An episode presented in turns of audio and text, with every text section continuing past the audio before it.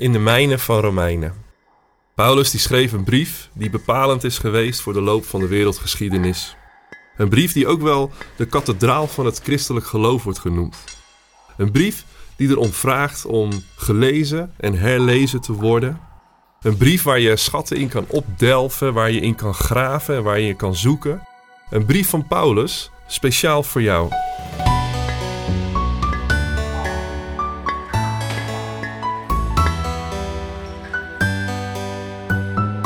Gaan in deze podcast mijnen in Romeinen.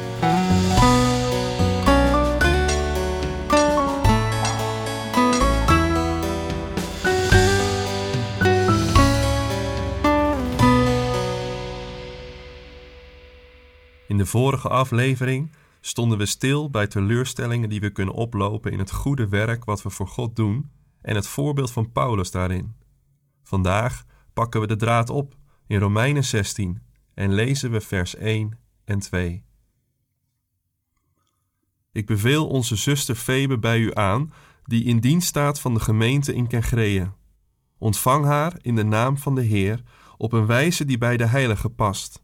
En sta haar bij wanneer ze uw hulp ergens voor nodig heeft, want ze is vele tot steun geweest, ook mij.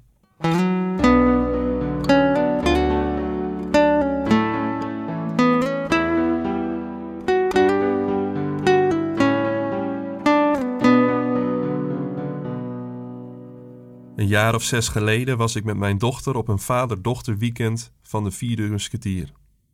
Op een avond in dat weekend sprak een van de vrouwelijke leiders. Ik was op dat moment zelf op zijn zachts gezegd nogal overtuigd van het feit dat het spreken uit de Bijbel voorbehouden was aan mannen. Ik zal niet zeggen dat ik daar als een ramptoerist zat te wachten op het moment dat het verkeerd ging, maar ik denk ook niet dat ik helemaal open stond voor wat ze zou gaan vertellen. Toch raakte datgene wat ze deelde die avond mij tot op het bot. En mij niet alleen. Er werd een uitnodiging gedaan en veel dochters en hun vaders gingen naar voren, gaven hun leven aan Jezus of beleidden de dingen die niet goed waren geweest. Gods geest was machtig mooi aan het werk en mensenlevens werden aangeraakt, hersteld en vernieuwd. Het gebeuren confronteerde mij met mijn overtuiging dat spreken voorbehouden is aan mannen. Als het aan mijn overtuiging gelegen had, had deze vrouw nooit het woord gekregen die avond. Zouden al die dochters die naar voren gegaan waren voor gebed ook naar voren zijn gegaan als er een man had gesproken? Zou ik het werk van Gods geest verhinderd kunnen hebben met mijn overtuiging? Zou het zo kunnen zijn dat het werk van Gods geest nieuwe wegen zichtbaar kan maken? Wegen die voor mij vreemd of theologisch nog onbegaanbaar leken? Als je met die vragen het Nieuwe Testament leest, zie je hoe Petrus dit ook overkwam toen hij geroepen werd om te gaan eten met de Romeinse Cornelius in Handelingen 10. Vanuit Petrus' theologische gelijk was dit een no-go. Tot drie keer toe moest God hem door een visioen zover krijgen om toch te gaan. Als Petrus bij Cornelius is, ziet Petrus tot zijn verbijstering hoe de geest daar wordt uitgestort. Vervolgens gaf Petrus opdracht hen te dopen in de naam van Jezus Christus. Het werk van Gods geest maakte zichtbaar dat de aloude Joodse onderscheiding tussen zichzelf als rein en de wereld rondom als onrein opgeheven was door het geloof in Jezus Christus. Het werk van de Heilige Geest maakte een nieuwe weg zichtbaar. Dit werd bevestigd in Handelingen 15, waar deze nieuwe situatie in de gemeente van Jeruzalem besproken werd en de weg geopend werd voor gelovigen uit de heidenen om deel te worden van de gemeente. In Christus is er geen onderscheid tussen Joden of Grieken, slaven of vrije, of mannen en vrouwen, zegt Paulus in Galaten 3, vers 28. Paulus bracht dit basisprincipe in de praktijk, voor zover dit de voortgang van de verkondiging van het evangelie geen schade toebracht.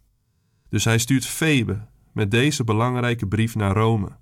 Niet Timotheus, niet Titus of Tertius, maar Febe.